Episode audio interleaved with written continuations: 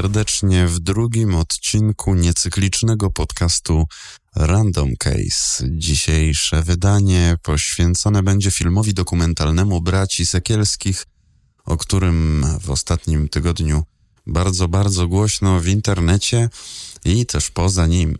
Mowa oczywiście o produkcji Tylko nie mów nikomu, która traktuje o zjawisku pedofilii w kościele. Realizacja tego dokumentu była możliwa dzięki dobrowolnym datkom osób, które posługując się platformą służącą do wspierania twórczości, mogły zostać patronami produkcji. W ciągu tygodnia od premiery, która miała miejsce w serwisie YouTube, materiał obejrzano prawie 20 milionów razy. Trochę zamieszał w polskiej przestrzeni publicznej. E, jego echa trwają do dziś i pewnie jeszcze trochę potrwają. Między innymi jeden z bohaterów, ksiądz Dariusz, e, złożył na ręce papieża Franciszka prośbę o przeniesienie do stanu świeckiego. Poinformowała o tym archidiecezja warszawska. Poza tym głos zabrał nasz prezydent Andrzej Duda, który powiedział, że film robi wrażenie i z pedofilią musimy walczyć bezwzględnie i wszędzie. W szkole, na kolonii, w harcerstwie, oazach i w innych organizacjach. Pojawiło się też kilka oświadczeń kurii e, z różnych rejonów, a także Zgromadzenie Księży Marianów, którzy opiekują się bazyliką w Licheniu, zaczęło się zastanawiać, czy aby z przestrzeni publicznej nie powinien zniknąć wizerunek księdza Eugeniusza Makulskiego, budowniczego świątyni, który był wzmiankowany w filmie. No a przechodząc już do takich bardziej osobistych przemyśleń, mm, muszę się przyznać, że nie był to dla mnie film o pedofilii. Z dwóch powodów. Po pierwsze, zjawisko, które widzimy w filmie, opisywane tam, można określić jako seks bądź czynności seksualne z osobami poniżej pewnego progu przyzwolenia. Nie wiemy, ilu z negatywnych bohaterów dokumentu jest pedofilami. Może wszyscy, może niektórzy, a może żaden. Drugi powód jest mniej obiektywny. Po prostu do mnie bardziej trafiło coś, co się dzieje w tle. Coś, czego te nadużycia ukazane w dokumencie są tylko emanacją coś znacznie poważniejszego, z czym myślę, że kiedyś Kościołowi przyjdzie również się zmierzyć. Będzie musiał w jakiś sposób wyjaśnić się przed obywatelami, przed wiernymi e, z tych nadużyć władzy, nadużyć społecznej pozycji, nadużyć zaufania. Kiedy oglądałem, i to było w dzień premiery, ten materiał, to muszę tutaj się przyznać, mm, nie poraziło mnie to ani nie zaszokowało. Po filmie Claire spodziewałem się jakoś podświadomie większej zabawy formą różnych trików, które mają zagrać na emocjach. Takie zabiegi formalne nie były aż tak konieczne. Po prostu temat jest tak e, drażliwy i on wystarcza sam za siebie, żeby wzbudzać jakieś uczucia. Oczywiście były elementy takiej zabawy formą, tak jak na przykład te robione z dronów przeloty nad e, wierzchołkami kościołów. Jednak nie były to na tyle wulgarne środki wyrazu, abym czuł się jakoś zmanipulowany bądź perswadowany przez twórcę do odczuwania czegoś. Dla mnie był to przede wszystkim film o nadużyciach, którym sprzyja jakiś porządek prawno-społeczny Rzeczypospolitej Polskiej, a dokładniej regulacje dotyczące stosunków państwa i związków wyznaniowych, a w szczególności naszej dominującej religii. I tu warto zauważyć, w internecie przetaczają się setki tysięcy komentarzy na ten temat. Mówię tutaj o komentarzach Web 2.0, czyli generowanych przez nas wszystkich, nie przez jakieś publikatory, w których ludzie dyskutują o roli Kościoła, o działaniach Kościoła w związku z problemem i to słówko Kościół warto naprawdę, y, kiedy samemu się o tym myśli bądź rozmawia z kimś, warto sobie zdefiniować, bo myślę, że tu jest dosyć istotna kwestia, e, co rozumiemy przez to słowo Kościół, bo może ono oznaczać wspólnotę praktykujących e, wyznawców religii, może również oznaczać instytucję z całymi jej strukturami, pewnym autonomicznym systemem, którego podstawowym celem jest przetrwanie.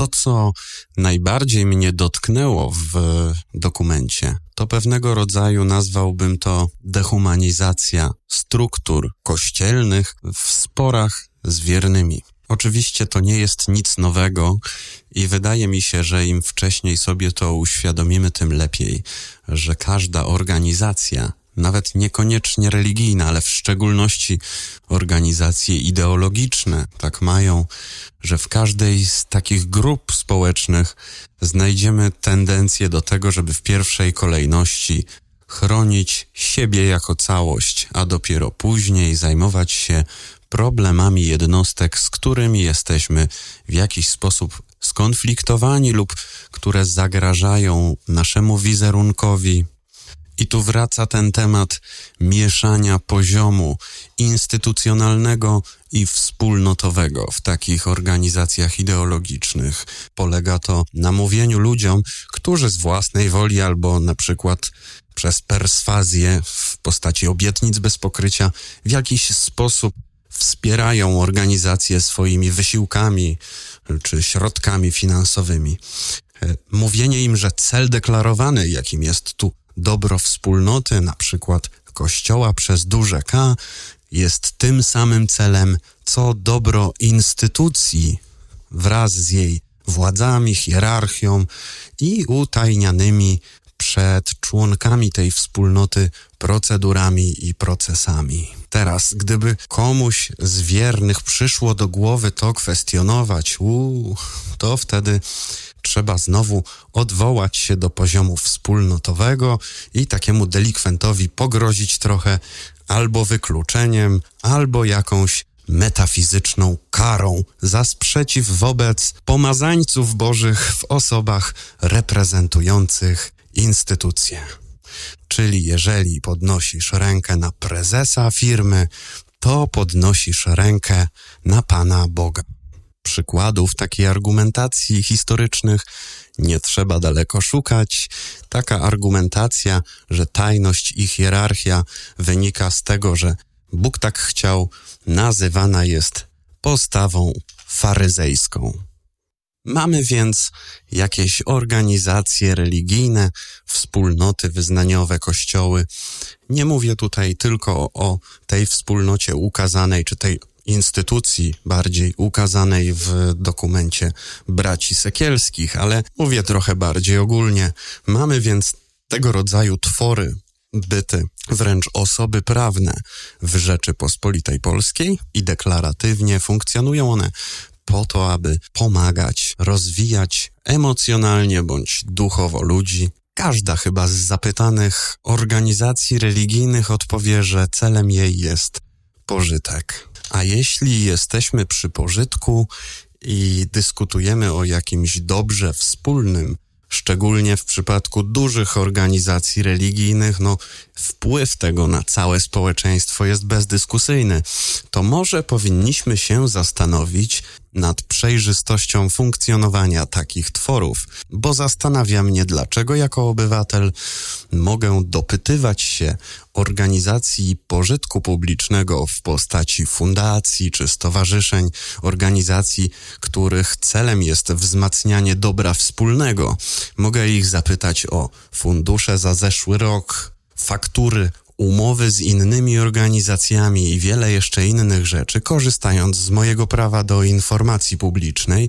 Natomiast nie mam takiego prawa w odniesieniu do związków wyznaniowych i kościołów. A przecież powinno być tak, że one działając z pozycji właśnie takiego zaufania społecznego, powinny na zasadzie symetrii pewnej odwzajemniać się temu społeczeństwu tym, że pozostają na niego otwarte i dopuszczają pewnego rodzaju kontrolę społeczną, bo tam, gdzie jest duże społeczne zaufanie, powinna być i również duża społeczna kontrola, prawda? Wydaje mi się, że w tej materii możemy mieć do czynienia z ostrym starciem takiego demokratycznego ustroju z ustrojem monarchistycznym czy miejscami feudalnym. Z jednej strony mamy rozdzielność oczywiście państwa od kościołów różnych, od związków wyznaniowych, popieranie ich czasami możliwe oczywiście e, przez państwo tych związków, pomaganie im z racji tego, że one w domyśle działają dla dobra wspólnego. Ale teraz działają w domyśle deklaratywnie dla dobra wspólnego, natomiast nie ma żadnych efektywnych metod kontroli.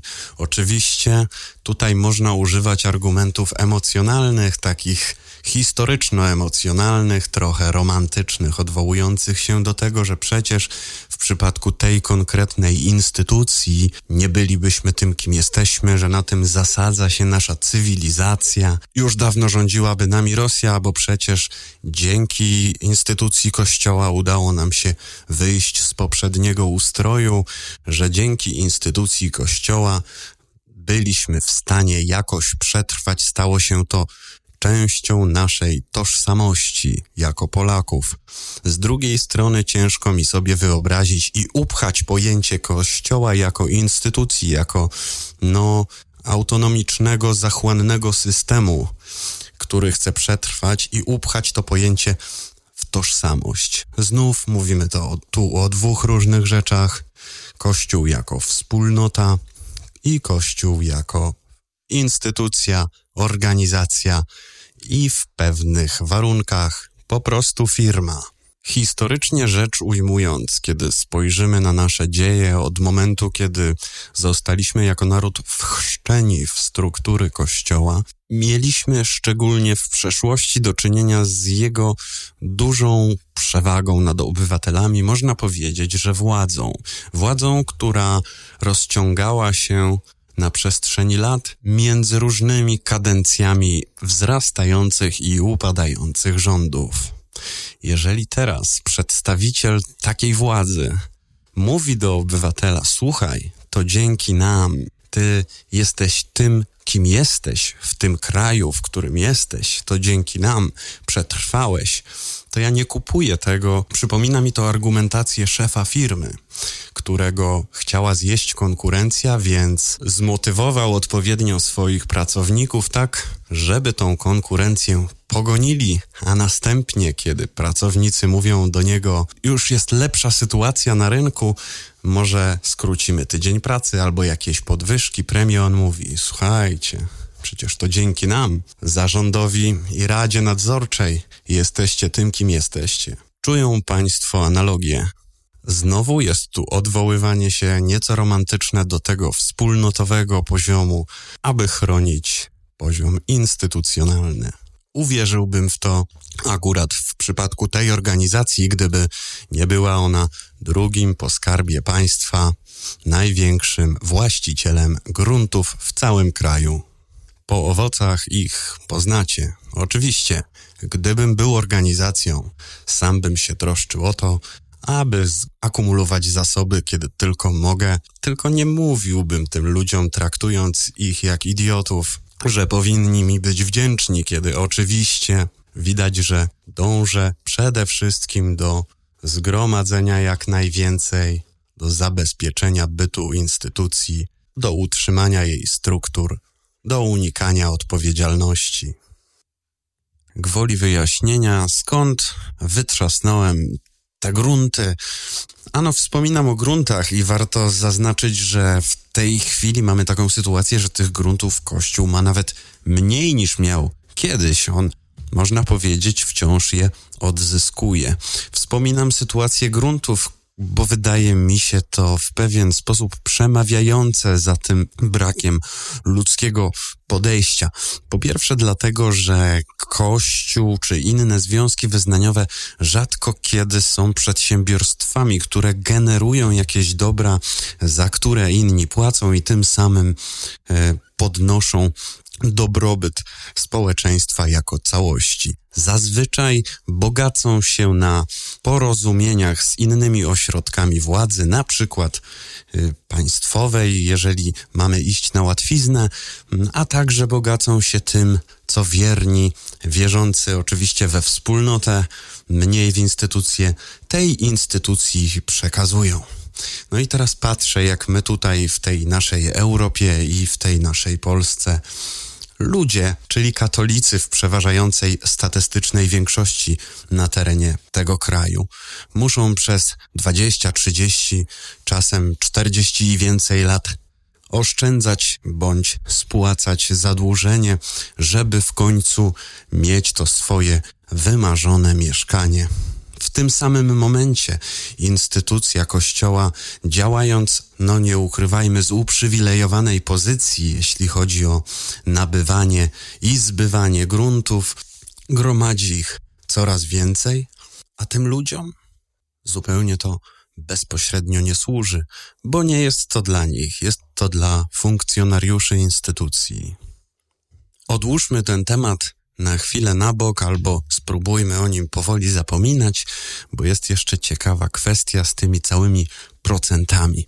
E, w dyskusjach w internecie ludzie uwielbiają przerzucać się takimi zobiektywizowanymi informacjami i podawać na przykład, że Dlaczego nie porównujecie, ile jest y, seksualnie zaburzonych w kościele z jakąś wybraną branżą? Tam znaleźlibyście ich więcej. No i czego to może dowodzić? Ano, dowodzi to niewiele. Chciałbym poznać jakieś badania, jakieś twarde fakty dotyczące percepcji występków z uwagi na hermetyzację struktur, z którymi mamy do czynienia. Można nazwać ten akurat związek wyznaniowy, tą instytucję pewnym ogniskiem władzy. I naturalne jest, że jeżeli ona działa w sposób autonomiczny od państwa i te bariery między państwem, obywatelami i instytucjami państwowymi, a strukturami tej organizacji są mocne, to także kontroli nie ma nad tym. My nie wiemy nigdy, ile tak naprawdę trafiło tam skarg, zażaleń, ile rozpoznano takich sytuacji, a jedyne co mamy jako zewnętrzni obserwatorzy to fakty dotyczące tego, że takie sprawy załatwia się wewnątrz, ukrywa. To już dyskwalifikuje wszelkie obiektywne porównania, bo po prostu brakuje danych, aby y, zważyć to procentowo. Inna kwestia jest taka, że nie zgadzam się z większością porównań do większości branż, a to ze względu na to, że w przypadku związków wyznaniowych i kościołów, no, mamy do czynienia z pewnym zaufaniem publicznym i gdybyśmy nawet mieli dobrą percepcję przewinień, na przykład dotyczących niewłaściwych zachowań seksualnych w kościele, to żeby to porównywać jakoś procentowo z innymi branżami, nie mogłyby być to wszystkie branże. Musiałyby być to branże, zawody, grupy, które cechuje podobny poziom zaufania publicznego, podobny poziom oddania obywatela, człowieka takiej instytucji, przekazania jej części władzy nad sobą, dopuszczenia do takiej swojej przestrzeni, która zazwyczaj jest zarezerwowana dla tego, kto właszczy własne życie. Trzeba by dokonywać więc porównań na przykład z lekarzami, adwokatami, sędziami, biegłymi rewidentami, czy nawet pielęgniarkami, z takimi zawodami, takimi grupami, które cechuje wysoki poziom społecznego zaufania.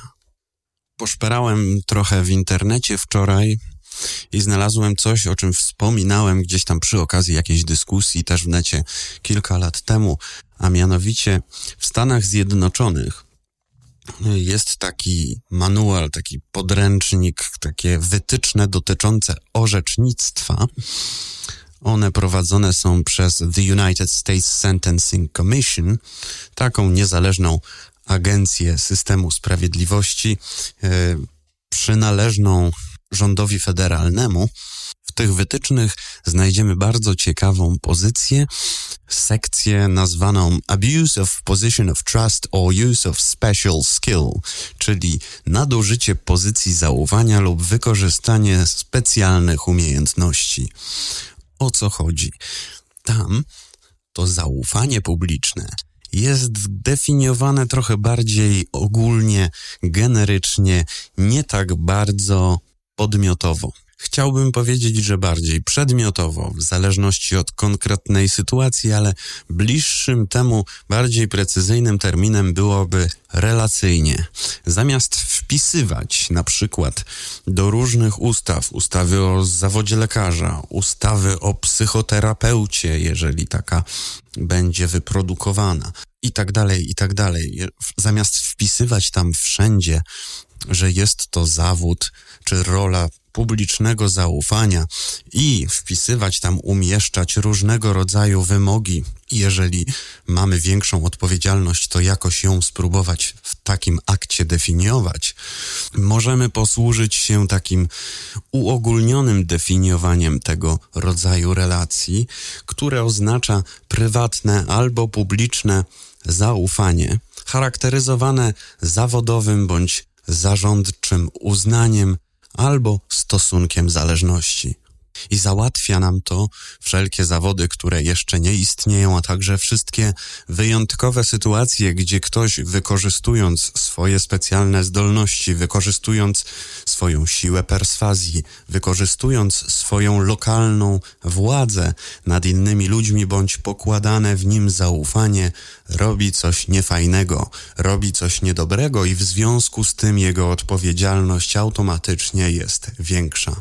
Nie trzeba specjalnie umieszczać takiego zawodu czy takiej roli w jakiejś odrębnej ustawie i definiować przewinień dodatkowych związanych z wykonywaniem. Wystarczy w taki zgeneralizowany sposób do tego podejść i po prostu wymagać od takich osób więcej. Co ciekawe, Ktoś nie musi być wcale wykształconym w danym zawodzie. Ktoś nie musi pełnić jakiejś funkcji.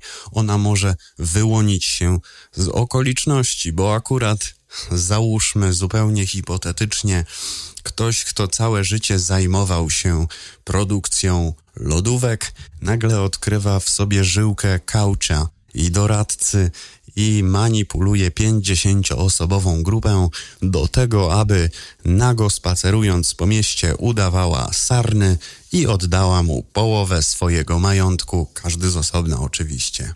Możemy sobie taką śmieszną, hipotetyczną sytuację wyobrazić i wtedy Oczywiście polski kodeks cywilny czy nawet postępowania karnego ma na to paragrafy, natomiast bardzo podoba mi się takie podejście bardziej ogólnione, gdzie wyróżnia się rzeczywiście mm, osobę zaufania publicznego definiowaną jako nie jako osobę, tylko właśnie jako pozycję zaufania lub użycia specjalnych umiejętności, bycia odpowiedzialnym za kogoś, kto część siebie nam oddaje i staje się w ten sposób w tej przestrzeni bezbronny i polegający na naszej dobrej woli. Będę już powoli kończył, więc warto by jakoś to podsumować.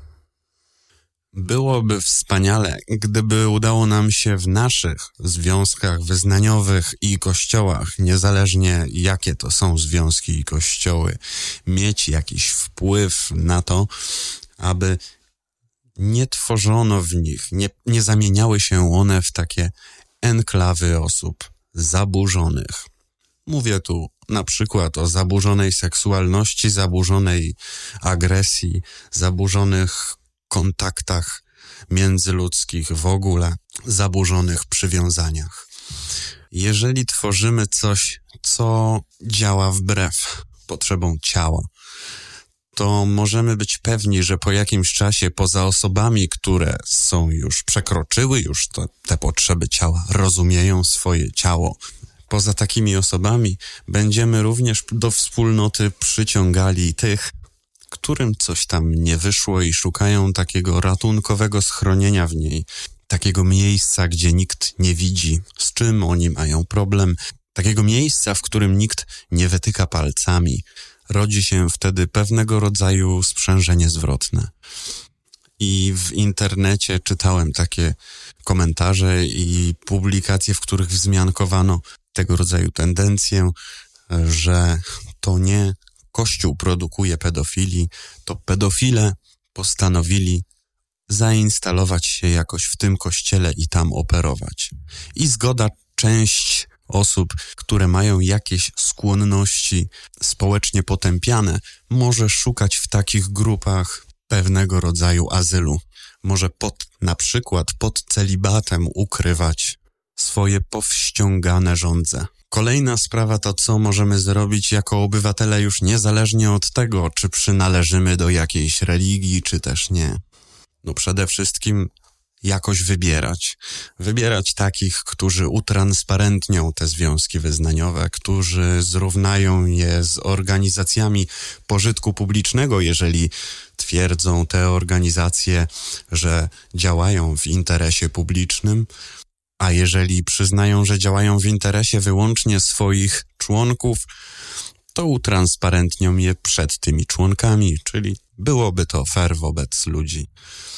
Poza tym wybierać takich, którzy zadbają o odpowiedzialność, równowagę i właściwą separację związków wyznaniowych od państwa, a także zatroszczą się o tych wszystkich, których jakoś tam kiedyś w momencie słabości wmanipulowano w to, aby coś oddali, coś przekazali w zamian za metafizyczne zyski. Myślę, że jako ludzie mamy do tego prawo, żeby być traktowani poważnie i sprawiedliwie.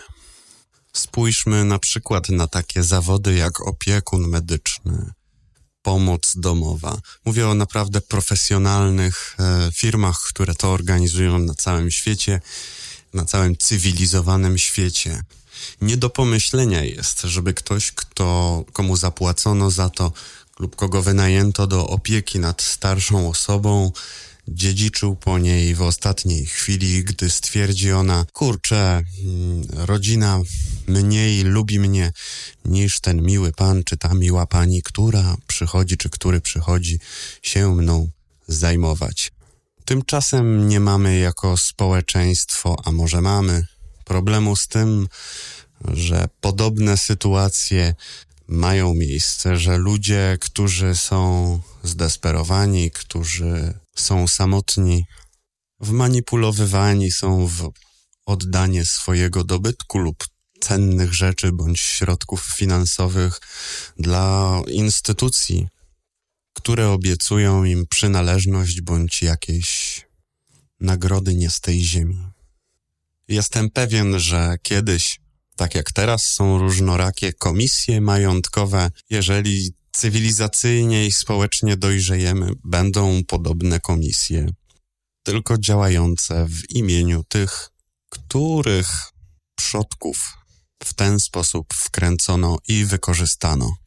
Oczywiście nie każdy musi ze mną się zgadzać, że problemem jest tu władza bazująca na jakichś ideach nadwartościowych. To jest osobista sprawa oczywiście, ale mieszanie tych poziomów instytucjonalnego i wspólnotowego myślę, że ludziom powoli się przejada, że stają się coraz mądrzejsi i niełatwo im wciskać taki kit, że oddając coś mogą w ten sposób zapłacić za zbawienie, a naprawdę dokonują wzmocnienia jakichś struktur, w których pracują ludzie, którzy może mogliby, gdyby nie te struktury, przysłużyć się inaczej społeczeństwu, na przykład wytwarzając jakieś dobra czy świadcząc jakieś usługi i w ten sposób wzmacniać dobrobyt społeczeństwa jako całości. Jeżeli chodzi o samą instytucję Kościoła, to zamiast skruchy wyrażanej w mediach powinna zgodzić się na bardziej transparentny sposób funkcjonowania w strukturach społecznych, nawet niepaństwowych, bo z tym sobie doskonale radzi.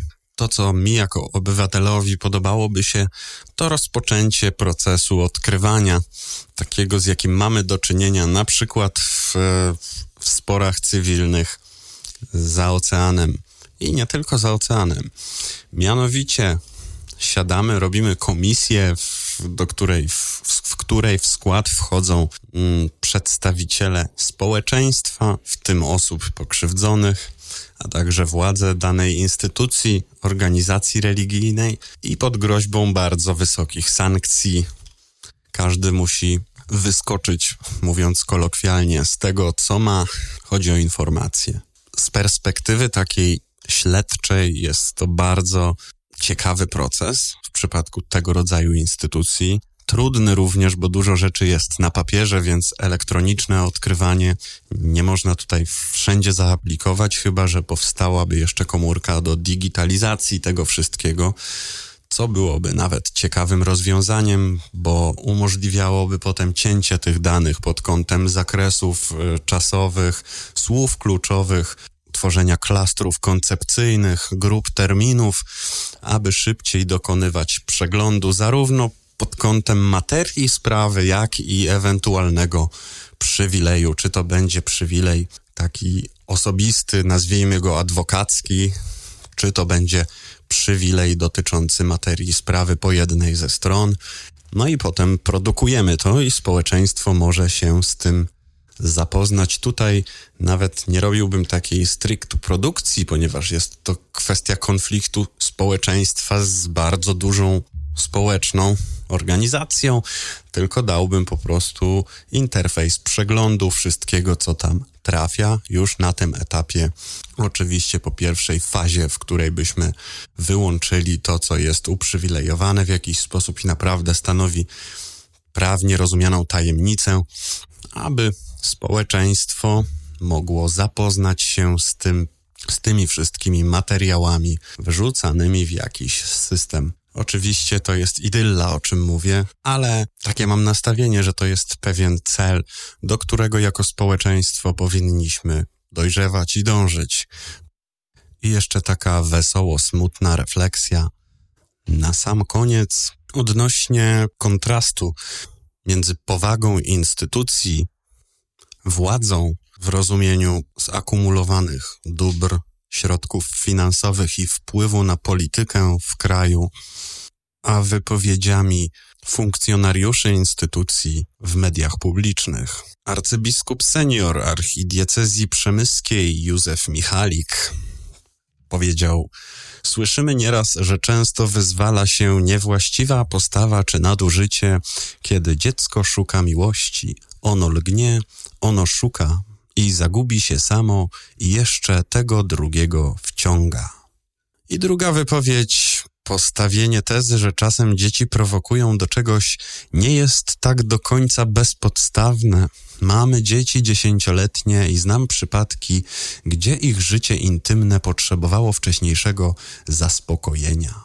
Same wchodziły do łóżek dorosłych, chcąc być spełnionym i to był wybór dziecka, powiedział Ireneusz Bochyński, rektor Kościoła Akademickiego panien Dominikanek w Piotrkowie Trybunalskim. Mój komentarz tego jest taki. Gdyby wziąć merytoryczną wartość tych wypowiedzi i poziom ich szkodliwości, to wydaje mi się, że więcej pożytku mamy z wykładów w Akademii Hogwartu. I zapewne dlatego postrzegana jest ona przez niektórych z tej organizacji jako zagrożenie, konkurencja.